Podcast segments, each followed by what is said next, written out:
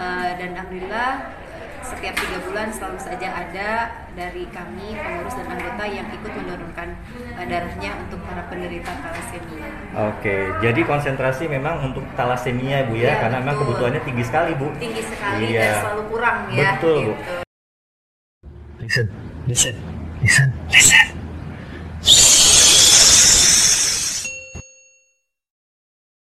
Oke, okay, welcome back Hari People. Balik lagi sama gua Paul di sini. Kali ini uh, gua menghadirkan ya kalian tahu lah kalau kalian udah lihat episode sebelumnya itu ada ibaratnya dulu mentor saya yang sekarang yang sekarang ikut andil dalam bantuan organisasi kemanusiaan ya Pak Diki bisa dibilang begitu ya? Ya, bisa bilang gitu Paul, betul. Oke. Okay. Oke, nah Pak Diki, lanjut aja nih Pak Diki. Kemarin kan ya. uh, ada banyak pertanyaan nih tentang uh, penyakit talasemia nih Pak Diki. Oke. Bisa tolong dijelasin nggak Pak Diki, apa sih penyakit talasemia itu? Oke, talasemia itu adalah penyakit kelainan darah hmm. yang diturunkan secara genetik. Jadi uh, berasal dari orang tuanya orang tua kita atau siapa pun yang penyandang talasemia itu, nah itu adalah sesuatu kelainan genetik sehingga uh, akan terus menurun sampai dengan ke ke generasi berikutnya, gitu. Berarti di bawah nah, dari... itu kelainan darah hmm. dari dalam darah, yaitu kelainannya di mana sel darah merah itu tidak bisa bertahan uh, dalam waktu yang cukup lama, sehingga dengan aktivitas yang ada di penyandang atau di seseorang yang menyandang talasemia itu sel darah merahnya akan cepat sekali drop begitu. Oke oke oke oke. Jadi ya seperti itu talasemia. Jadi sel darah merahnya nggak akan bertahan lama ya Pak Diki ya. Intinya seperti itu. Mm -mm. Oke. Mm -mm. Nah Pak Diki, untuk gejala sendiri nih, untuk gejala talasemia sendiri itu seperti apa ya Pak Diki ya? Um, sebuah keluarga atau orang tua ya sepasang suami istri akan bisa mengetahui kalau ada keturunannya atau anaknya menderita talasemia atau menyandang talasemia itu biasanya sejak usia masih bayi. Jadi bisa kurang dari satu tahun, bisa lebih dari satu tahun, gitu. Ada juga yang kadang-kadang agak lebih dewasa lagi sedikit, gitu. Tapi kebanyakan sih diketahui bahwa orang itu atau si anak itu menyandang talasemia biasanya pada saat dia masih kecil, gitu. Dimulai dengan misalnya penampakan di kulit gitu ya. Itu kurang cerah atau matanya menguning. Kemudian eh, anak itu cepat merasa waktu masih bayi ya hmm. anak itu cepat merasa lelah gitu. Itu kelihatan dan tidak bergairah serta eh, semakin lama kalau dia tidak segera ditangani itu biasanya uh, apa ya jadi waktu bayi itu kelihatan tidak bergairah gitu. Jadi seperti orang yang mau pingsan gitu. Karena sel darah merah uh, zat gizi oksigen dan segala macam itu sel darah merah itu drop jumlahnya gitu. Oke oke oke oke. Jadi dengan kata lain talasemia ini termasuk salah satu golongan uh, penyakit yang paling berbahaya Diki ya? Iya, penyakit yang tidak menular sebetulnya, ya tapi bisa diturunkan dari orang tua. Makanya eh, di kegiatan kami di perhimpunan donor darah juga ada direncanakan eh, bagaimana kita memberikan sosialisasi tentang talasemia lebih kepada masyarakat supaya bisa diputus nih rantai penurunan talasemia kepada generasi berikutnya. Begitu. Biasanya Pak Diki untuk sosialisasinya itu melalui apa Pak Diki? Mm -hmm ke masyarakat pada umumnya? Baik.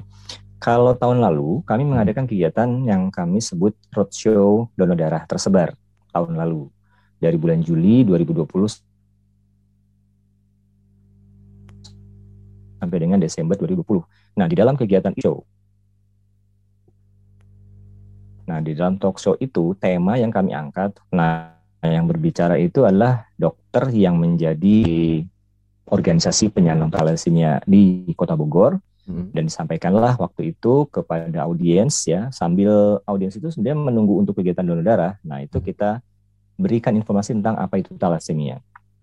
Nah, um, sosialisasinya dengan cara penyuluhan ya bisa juga atau saat-saat seperti kemarin yang eh, tadi saya ceritakan talk show hmm. bisa juga nanti kita rencanakan tahun ini 2021 itu penyuluhannya atau sosialisasinya kepada generasi yang lebih muda kalau yang tahun lalu pada pendonor darah yang sudah agak berumur yang sudah di atas 20 tahun 30 tahun ya sudah berkeluarga nah di tahun ini kami rencanakan akan diadakan juga sosialisasi kepada anak-anak milenial atau anak-anak usia SMA dan perkuliahan. Kenapa? Karena mereka itu kan nanti akan berumah tangga gitu. Nah, sebelum mereka berumah tangga, kita sudah bekali bahwa ini ada thalassemia loh gitu. Dan mungkin mereka juga tidak tahu apakah mereka penyandang thalassemia hmm. karena mungkin eh, gejala-gejala thalassemia belum nampak di mereka karena resesif gitu atau mereka eh, sebagai penyandang thalassemia yang dikatakan minor Nah, itu nanti kalau ketemu dengan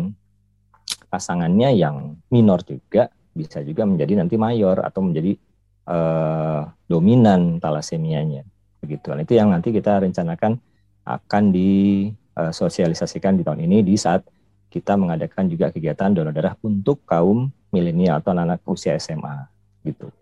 Jadi untuk uh, anak-anak milenial ya kalau mau donor darah silahkan jangan takut ya. Iya. Nah, Pak Diki ngomong-ngomong tadi Pak Diki sempat singgung antara talasemia minor dengan talasemia mayor. Nah ini kalau saya boleh tahu bedanya apa nih Pak Diki antara minor sama mayor? Oke, okay. sebelum menjelaskan ke sana, ini juga perlu audiens ketahui nih, Paul, bahwa uh, kalau dari audiens itu belajar ilmu biologi, mm -hmm. ya, mungkin Paul juga pernah belajar ilmu biologi nih. Mm -hmm. Ada uh, dikatakan di ilmu biologi itu uh, namanya hukum Mendel. Hukum Mendel itu nama orang ya saya lupa nama depan siapa tapi Thomas Mendel atau siapa gitu ya jadi eh, hukum Mendel ini mengatakan bahwa setiap makhluk hidup ya terutama manusia nih kita bicara manusia bahwa genetika ya itu diturunkan dari eh, orang tuanya atau dari nenek moyangnya sampai dengan ke generasi generasi berikutnya. Dan itu bisa kita prediksi. Dalam arti kita punya perhitungan-perhitungannya atau secara hukum Mendel itu mengatakan ada perhitungannya bahwa kalau orang yang punya golongan darah A misalnya gitu ya kan golongan darah ada A, B, A, B dan O. Betul, Nah itu eh, penyakit-penyakit golongan darah itu bisa diturunkan dan itu bisa diperhitungkan dengan eh, sangat jelas ya. Jadi orang kalau misalnya nih kita sedikit menyimpang dari talasmianya ya Paul ya. ya, ya. Eh, bapaknya golongan darahnya A misalnya, ibunya golongan darahnya B begitu anaknya lahir golongan darahnya O lah kok bisa gitu kan nah, orang mungkin ada bertanya-tanya betul, betul. kok bisa O karena secara hukum Mendel tadi itu ada perhitungannya dan ada apa ya rumusnya begitu kenapa bisa O karena orang tuanya pun punya pembawa golongan darah O tapi resesif istilahnya gitu sementara A dan B-nya tadi itu dominan nah begitu juga dengan penyakit darah penyakit darah apa pun itu bisa diturunkan termasuk thalassemia karena apa? Karena itu mengalir dalam darah dan itu tidak bisa hilang, tapi bisa muncul sebagai dominan atau muncul sebagai resesif istilahnya. Resesif itu tersembunyi. Tapi kalau misalnya ketemu resesif ketemu resesif nanti jadinya malah muncul. Nah, eh, yang tadi dikatakan talasemia mayor atau minor itu eh, adalah turunan atau gejala lain lagi dari si talasemia tadi yang mengatakan bahwa kalau eh, talasemianya ini lebih dominan, maka ini dikatakan mayor, di mana kondisinya betul-betul harus ditangani secara lebih intensif dengan contohnya transfusi darah atau penanganan-penanganan lain, ya termasuk soal gizinya. Nah, satu lagi adalah talasemia minor. Talasemia minor itu yang tidak dominan alias resesif, di mana penanganannya tidak perlu transfusi darah kadang-kadang dan lebih eh, lebih apa kelihatan seperti orang yang atau anak-anak yang sehat gitu. Berarti dengan kata lain kalau yang minor ini belum terlalu kelihatan pada Diki ya karena dia masih resesif ya. Iya. Nah, yang kalau minor ini bisa munculnya juga di saat bayi, tapi hmm. uh, bisa kemudian nampak seperti anak-anak sehat pada umumnya, itu beda dengan yang uh, mayor. Gitu. Kalau yang mayor kelihatan banget ya, uh, pucat atau kulitnya kusam, ya tidak bergairah, matanya kuning itu kelihatan. Begitu. Nah, Pak Diki, uh, saya pernah dengar nih uh, orang yang menderita hmm. talasemia mayor ini bisa sembuh hmm. apabila penyandang talasemia mayor ini bisa sembuh, hmm. bisa sembuh apabila ia melakukan transfusi sumsum -sum tulang belakang. Benar seperti itu Pak Diki? Uh, memang ada penanganan medisnya itu dengan uh, transplantasi transplantasi dari sumsum tulang belakang. Hmm. Tapi saya belum pernah tanya nih di Kota Bogor khususnya ya, apakah sudah pernah ada nih yang transplantasi dari sumsum tulang belakang dan kemudian uh, kembali sehat nih. Karena yang saya tahu penyakit talasemia ini memang tidak bisa disembuhkan gitu sampai dengan akhir hayatnya si penyandang tersebut itu tidak bisa disembuhkan. Nah, uh, informasi tentang transplantasi dari suntung belakang itu saya juga kurang tahu ya, belum hmm. melihat soalnya belum melihat hmm. siapa penyandang talasemia yang sudah pernah ditransplantasi dari suntung belakang. Kalau misalnya saya ketemu uh, penyandangnya nih atau pasiennya, mungkin saya bisa membuktikan langsung, oh ya ternyata dia menjadi lebih sehat. Gitu. Artinya uh, apa simptomnya atau gejala-gejala yang umum terlihat di penyandang talasemia mayor itu udah nggak nampak. Misalnya kulitnya menjadi lebih terang, matanya lebih segar, kemudian lebih bergairah, kemudian tidak terjadi kalau misalnya itu ketahuannya atau ditransplantasinya sejak masih bayi misalnya, eh, si pertumbuhannya itu juga kelihatan lebih eh, atau kelihatan berkembang karena salah satu eh, gejala talasemia itu juga termasuk menghambat pertumbuhan. Jadi tumbuh kembangnya anak itu terganggu. Jadi anak talasemia itu biasanya kecil-kecil gitu. Pendek-pendek. Dan berarti orang gitu. apa kelihatannya masih segitu-gitu aja Pak Diki ya untuk perkembangannya? Iya. Iya. Nanti kalau saya dapat informasi tentang transplantasi sumber belakang saya ceritain sama Paul ya. Ya boleh boleh Pak Diki. Saya nanti saya share di channel ini Pak Diki. Nanti saya tanya sama dokter yang langsung sebagai uh, apa ketua uh, apa organisasinya di Bogor apakah boleh, sudah boleh. pernah ada atau belum boleh Pak Diki boleh boleh saya senang hati mm -mm. oke okay, Pak Diki uh, sekarang baik lagi nih tentang uh, penyandang ya. thalassemia yeah. uh, thalassemia ini. Jadi saya pengen tanya, hmm. uh, berapa banyak sih transfusi darah yang dibutuhkan untuk penyandang thalassemia ini? Baik, kalau secara umum ya, ini saya kasih tahu ada satu satu data statistik dulu nih di Kota Bogor hmm. ya. Boleh. Di Kota Bogor yang saya tahu itu ada kurang lebih 400-an penyandang thalassemia. Saya bayangkan, Paul. Ya, jadi angka itu nggak pernah menurun. Itu mayor semua. Mayor rata-rata. Mayor, okay. mayor semua gitu. Dan yang terdata itu biasanya yang mayor. Yang minor itu terdata tapi nggak terlalu mengkhawatirkan. Nah, yang diperhatikan sama organisasi yang namanya uh, POPTI namanya itu. Jadi penya, uh, paguyuban orang tua penyintas talasemia Indonesia disebutnya POPTI itu di semua kota ada mm-hmm. karena semua kota di Indonesia dan juga di belahan dunia mana pun ya cuma beda nama organisasinya aja nih mm. itu pasti ada warga negaranya yang menyandang talasemia. Nah, uh, penanganannya relatif sama jadi dengan transfusi darah mungkin ada juga yang dengan mencoba uh, transplantasi dari sudut belakang juga ada nah dari jumlah yang ada di Indonesia saja uh, di kota Bogor ya 400an uh, penyandang thalassemia itu uh, paling tidak membutuhkan satu kantong darah atau sekitar 300-an sampai dengan 500 uh, cc gitu setiap kali dia transfusi gitu Nah, bisa bayangkan Paul kalau 400 kali kalau 500 itu berarti kan dua kantong nih, Pong. Hmm. Karena satu kantong itu 350. Gitu. Bisa dibayangkan, ya. Jadi eh, pendonor darah aja diambil darahnya itu kan satu kantong 350. Berarti si penyandang thalassemia itu butuh dua kantong dua berarti kantong. dari dua orang. dua orang. Kalau penyandang thalassemia ada 400 berarti kan butuh 800, 800. kantong minimal. Mm -mm. Mm -mm. Berarti 800 orang dalam setiap waktu.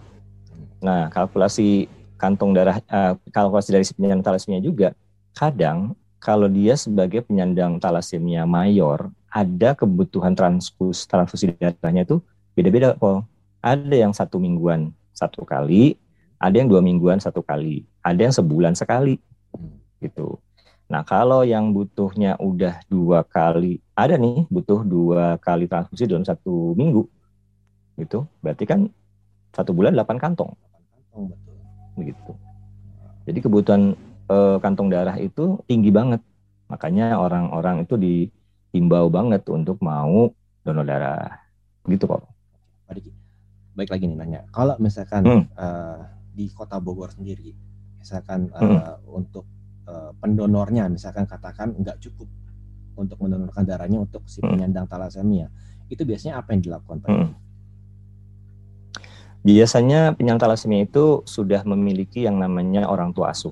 Gitu. Jadi si organisasi POPI tadi yang saya ceritakan itu sudah mendata siapa-siapa dari masyarakat yang menjadi pendonor tetap dari si penyandang thalassemia itu. Kenapa begitu? Karena penyandang thalassemia itu perlu mendapatkan darah yang aman dan cocok untuk mereka. Kadang kalau ganti-ganti orang, sering kali ada kontraindikasinya, misalnya dia agak alergi atau apa gitu. Nah itu yang yang uh, perlu dikhawatir, uh, yang kadang dikhawatirkan oleh penyandang talasemianya. Makanya begitu dia sudah punya pendonor tetap, uh, dia akan terus berhubungan dengan si pendonor tetap ini. Nah pendonor tetapnya itu berarti harus banyak gitu Pak. Kalau misalnya contoh si penyandang thalassemia ini butuh transfusi darahnya eh, satu kali sebulan aja.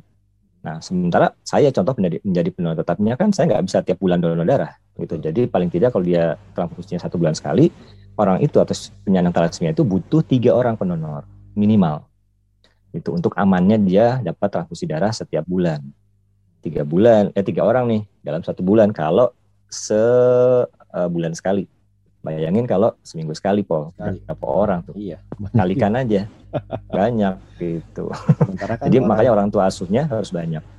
Gitu. Sementara kan kalau kemarin kita bahas setelah donor darah itu kan uh, kitanya juga harus beristirahat dulu pada selama dua bulan lebih, ya kan? Mm -mm.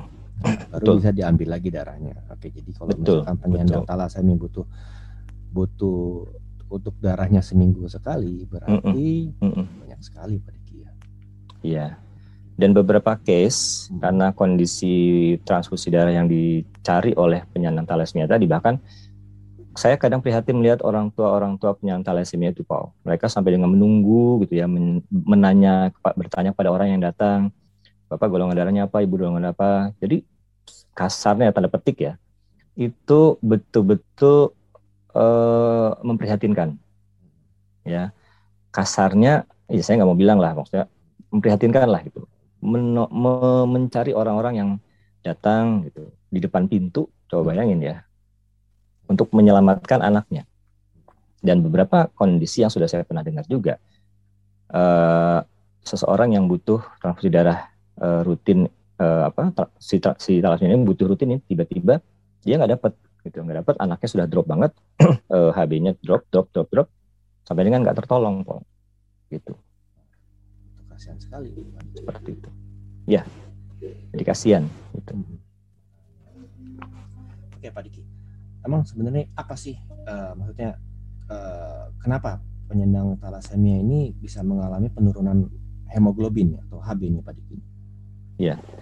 Uh, karena memang uh, percepatan dari dari apa namanya dari uh, sel darah merah di dalam tubuhnya itu tidak bisa tidak bisa berfungsi dengan baik gitu ya. Karena organ-organnya tidak berfungsi dengan baik makanya kemudian sel darah merahnya itu cepat sekali drop gitu. Setiap kita berkegiatan kan kita pasti membutuhkan uh, nutrisi dalam darah kita. Nah nutrisi yang dikandung oleh darah kita yang diperlukan oleh semua uh, makhluk hidup atau semua manusia itu adalah proteinnya. Nah dalam kondisi protein dalam sel darah merah ini tidak berfungsi dengan baik untuk uh, memenuhi kebutuhan atau tidak bisa bekerja dengan baik lah sel darah merahnya itu. Makanya protein ini kemudian uh, gampang uh, apa luruh gitu ya atau tergantikan atau rusak lah di protein ini. Kemudian sel darah merahnya juga drop gitu karena tidak bisa berfungsi dengan baik. Makanya kemudian terjadilah uh, penurunan kualitas hidupnya si penyandang itu. Nah itu yang yang uh, apa mengkhawatirkan buat anak-anak itu gitu kok jadi protein lah yang membuat protein kan dibutuhkan selalu tubuh kita. Betul. Di saat protein itu tidak bisa didapatkan lagi karena sel darah merah tidak berfungsi dengan baik, makanya itu yang membuat tubuh kita drop. Gitu. Nah, Pak Diki, apa penyebabnya kalau misalkan uh, kan tadi Pak Diki bilang ada orang tuanya yang yang apa ibaratnya sambil nanya-nanya golongan darahnya apa, mm -hmm. Mm -hmm. apa akibatnya kalau penyandang thalassemia ini salah mendapatkan golongan darah? Uh, kalau di zaman sekarang sih relatif tidak tidak pernah terjadi kasus seperti itu ya Paul ya karena uh, pertama tadi si orang tua dan antara pendonornya dengan pasiennya itu sudah mengetahui betul bahwa golongan darahnya sama gitu. Kemudian sebelum ditransfusikan juga kan awal awal-awal nih ya, begitu misalkan ada lah pendonor, terus sama nih golongannya, kemudian dia mendonorkan darah. Sebelum ditransfusikan ke si penyandang talasemia ini atau pada pasien apa pun kan darah itu diperiksa dulu. Betul. Gitu. Begitu darahnya dikatakan aman, barulah kemudian ditransfusikan ke si pasien. Gitu. Nah, eh, dengan dengan proses seperti itu maka sangat-sangat relatif kecil sekali terjadi eh, kondisi di mana eh, apa terjadi kontraindikasi dalam tubuh si pasien yang menerima transfusi darah gitu. Nah, ini yang yang saya perhatikan sejauh ini sejak saya berkecimpung di uh, donor darah di Kota Bogor itu relatif tidak pernah terjadi kasus lagi seperti itu. Mungkin zaman dulu terjadi mungkin ya karena kontraindikasi atau apa begitu ya. Mungkin juga sekarang masih tapi saya tidak pernah dengar kebetulan ya semua aman-aman saja. Itu paling yang terjadi malah adalah kekurangan atau kebingungan orang tua untuk mencari donor darahnya itu aja sih. Karena, Kalau kontraindikasinya mm, nggak pernah saya dengar lagi. Eh, kurang apa kurangan darah karena untuk regenerasinya sendiri pun sekarang kelihatannya agak sulit Pak Diki ya. Regenerasi pendonor Iya, ya, apalagi zaman pandemi sekarang ini, Po. Hmm. Jadi kebutuhan dar kebutuhan darahnya tetap, tapi jumlah pendonor yang mau donornya berkurang karena ketakutan untuk datang ke lokasi uh, unit donor darah PMI untuk mendonorkan darah. Karena uh, berita-berita yang heboh lah supaya yang jalan nanti penyakit apa pandemi ini menulari lah segala macam. Jadi akhirnya betul-betul jadi pro dan kontra di situ. Yang menjadi korban tanda petik itu adalah pasien-pasien yang membutuhkan darah termasuk si penyandang talasemia ini gitu tapi memang nggak bisa Pak Diki kalau misalkan uh, dipanggil untuk ke rumah gitu, untuk donor darah ke rumah. Uh, sebetulnya PMI pernah menawarkan proses itu dan beberapa UDD ya unit donor darah PMI di beberapa kota mungkin juga melakukan hal yang sama jadi seperti jemput bola mm-hmm. gitu seperti jemput bola uh, tapi memang ada jumlah minimalnya supaya oh. proses untuk pengambilan itu tidak terlalu banyak apa ya istilahnya mengeluarkan ekstra energi, ekstra waktu karena misalnya datangnya jauh gitu kan dari kantor PMI-nya. Sementara yang terdaftar misalnya cuma katakanlah tiga orang. Nah, kalau sudah melalui proses pemeriksaan darah, orang kan baru bisa donor nih. Kadang-kadang orang yang merasa sehat pun begitu dicek darahnya untuk donor, itu kadang-kadang nggak bisa donor karena HB-nya rendah atau karena tekanan darah rendah atau bahkan sebaliknya HB-nya tinggi, tekanan darah terlalu tinggi itu juga bisa. Begitu kemudian di screening misalnya ditanya jawab oh habis minum obat kemarin. Nah, itu juga nggak bisa. Makanya kalau proses jemput bola itu sudah dilakukan kadang-kadang terjadi juga masalah di lapangan yang tidak bisa diprediksi. Makanya ya agak-agak gambling lah gitu kalau mau jemput bola. Kalaupun mau jemput bola eh, disarankan jumlah calon pendonornya agak banyakkan lah gitu. Supaya tidak terlalu sedikit nanti pendapatan kantong darahnya gitu Paul. Nah Pak Diki saya mau nanya sendiri ini tadi kan tentang bahas yeah. Iya. uh, tekanan darah ya. Ini ada pertanyaan mm. Pak Diki. Kayak kalau mm. tekanan normal darah kita kan dia 120 per 80. Hmm, 110 per 80 atau 120 per 90. Berarti kan sistoliknya dia 120, diastoliknya 80. Mm -hmm. Nah, Iya. Apa jadinya kalau misalnya sistoliknya normal 120 sementara mm -hmm. diastoliknya itu rendah Pak Diki? Ya berarti dikatakan itu tekanan darah rendah sih. Oke. Berarti kalau misalkan sistoliknya tinggi katakan 130 diastoliknya uh, normal berarti dia masuknya kategori tinggi. Uh -uh, begitu. Oke. Tetap nggak bisa nggak bisa dikatakan bisa donor darah itu karena oh, yang sistolik yang entah tinggi entah rendah atau sebaliknya yang diastoliknya tinggi atau rendah gitu. Oke oke oke. Oke. Nah Pak Diki saya mau nanya lagi nih tentang golongan darah. Tadi kan golongan darah yang saya tahu itu kan hmm. cuma ada A, B, O, dan AB. Mm -mm. Nah ini saya baca lagi nih Pak Diki. Ternyata golongan darah itu ada mm. A minus, ada B minus. AB minus, sama mm -mm. O minus. Nah ini bedanya apa nih Pak Diki nih? Uh, sebetulnya orang kita, orang Indonesia itu kebanyakan itu dikatakan sebagai resus ya Paul ya. Jadi resus itu adalah pembawa gen juga gitu. Jadi gen uh, resus itu kalau orang Asia pada umumnya itu adalah positif. Itu. Jadi uh, secara umum lah ya orang Asia kemudian uh, menikah dengan orang Asia dan punya turunan gitu ya itu kan sama-sama di dari uh, ras yang sama istilahnya gitu. Nah kalau sudah bercampur dengan ras yang berbeda itu baru kak biasanya akan muncul hmm. yang dikatakan resusnya negatif gitu. Nah ini adalah kecenderungan yang sangat minim karena orang jarang terjadi perkawinan campur gitu kalaupun orang yang rasanya sama, contohnya orang-orang e, Kaukasia gitu ya, orang-orang Eropa misalnya gitu. Hmm. Itu kalaupun mereka menikah sesama orang Eropa, itu pasti dia jadi negatif gitu kebanyakan. Atau mungkin juga positif ya, saya juga belum tanya nih gitu. Tapi dalam arti bahwa resusnya pasti akan sama. Nggak ada dalam satu keluarga itu resusnya ada yang positif dan negatif, kecuali mereka e, perkawinan campur. Jadi turunannya pasti itu ada yang membawa resusnya negatif. Jadi bisa A negatif, B negatif, A B negatif atau O negatif. Tapi itu ngaruh nggak Pak Diki untuk pendonor darah? Untuk misalkan misalkan katakan yang resusnya A negatif, misalkan hmm. donor darah itu hmm. uh, ngaruh nggak Pak Diki? Uh, setahu saya memang ada kadang-kadang kebutuhan transfusi darah itu resusnya ada yang ne perlu negatif. Makanya uh, ada satu organisasi uh, apa saya lupa namanya ya itu adalah kelompok orang-orang yang memiliki resusnya negatif. Karena kadang-kadang ada kebutuhan orang transfusi darah resusnya negatif. Jadi kalau yang resusnya negatif memang perlu transfusi darahnya ya negatif lagi. Itu. Kalau yang positif itu perlu itu lebih banyak jumlahnya. Jadi nggak nggak terjadi nggak nggak terlalu masalah di Indonesia itu karena resus positif itu banyak. Tapi resus negatif itu jarang. Itu oke oke. Oke Pak Diki terakhir nih Pak Diki. Hmm, ya. Saran dong untuk generasi milenial untuk buat apa buat memberanikan diri untuk ikut donor darah nih Pak Diki. Apalagi untuk membantu saudara kita yang ibaratnya sudah menyandang talasemia ini dari kecil Pak Diki hmm. yang benar-benar membutuhkan darah yang yang tadi kita sudah bahas Pak Diki yang sangat banyak gitu kan. Bogor sendiri sudah ada 400 penyandang bagaimana dengan uh, kondisi di satu Indonesia ini nah bagi uh, minta sarannya Pak Diki Oke, okay. mungkin agak panjang ya Paul ya. Apa, Jadi apa, apa. kita hmm kita merunut dari background dulu nih bahwa thalassemia itu kan adalah penyakit genetik ya turunan.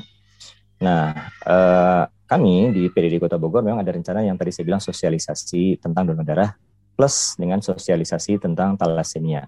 Karena kita akan menyasar pendonor-pendonor muda yaitu anak-anak milenial ya anak SMA begitu. Eh, kita akan memberikan penyuluhan untuk informasi apa itu thalassemia. Nah, thalassemia itu sedang kita cobakan ya untuk bisa kita putus mata rantai penurunannya atau atau secara genetik menghilangkannya. Bagaimana caranya? Uh, setiap anak muda yang uh, berencana menikah itu kita sarankan perlu screening. Nah, ini akan akan jadi materi kita nanti pada saat kita melakukan sosialisasi. Selagi muda ya, mungkin malah sebelum pacaran deh gitu ya. Kita sarankan mereka itu periksa gitu ya. Periksa kondisi darahnya seperti apa. Kalau dia ternyata punya uh, genetik thalassemia, ya itu kan kita nggak tahu kalau dia minor misalnya gitu kan nggak kelihatan. Nah kalau dia punya ternyata setelah di screening dia punya genetik thalassemia, kita sarankan nanti kalau pun sudah ketemu pacarnya, entah pasangannya siapa gitu, periksa juga gitu supaya ketahuan juga apakah pasangannya nanti itu pembawa gen thalassemia apa enggak. Kalau misalnya ternyata sesama pembawa gen gitu ya, disarankan tidak menikah. Ya mohon maaf gitu ya. Kenapa? Hmm. Karena takutnya diturunkan. Walaupun sudah cinta banget ya Paul ya. gitu. Nah, makanya itu yang ini sedang sedang akan digalakkan nanti dalam penyuluhan atau sosialisasi bahwa kita perlu aware ya, perlu peduli banget, perlu perhatian banget tentang kondisi darah kita.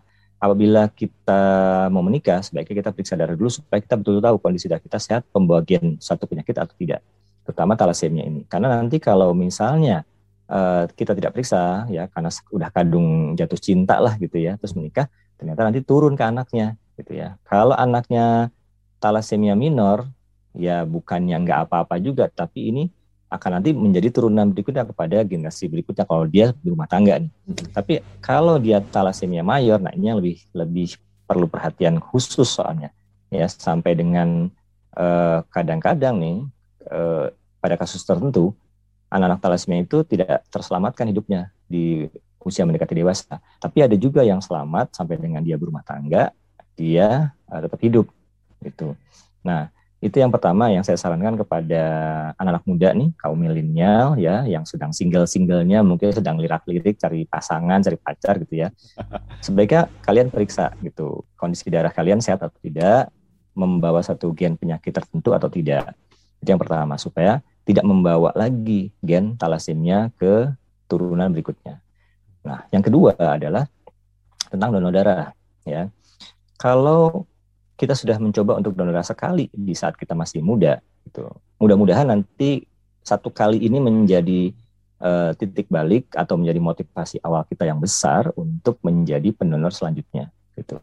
Nah, kalau kita sudah mulai mendonorkan darah secara rutin, darah kita ini bisa kita peruntukkan siapa saja. Ya kita dikatakan sebagai donor sukarela tuh, buat siapa saja silahkan yang mau pakai, gitu istilahnya. Ada juga yang tadi saya bilang penyandang talasemia itu butuh yang namanya orang tua asuh tanda petik ya. Hmm. Nah, dikatakannya adalah ini sebagai donor darah pengganti atau DP istilahnya darah donor pengganti. Nah, donor pengganti ataupun donor sukarela ini sama-sama penting.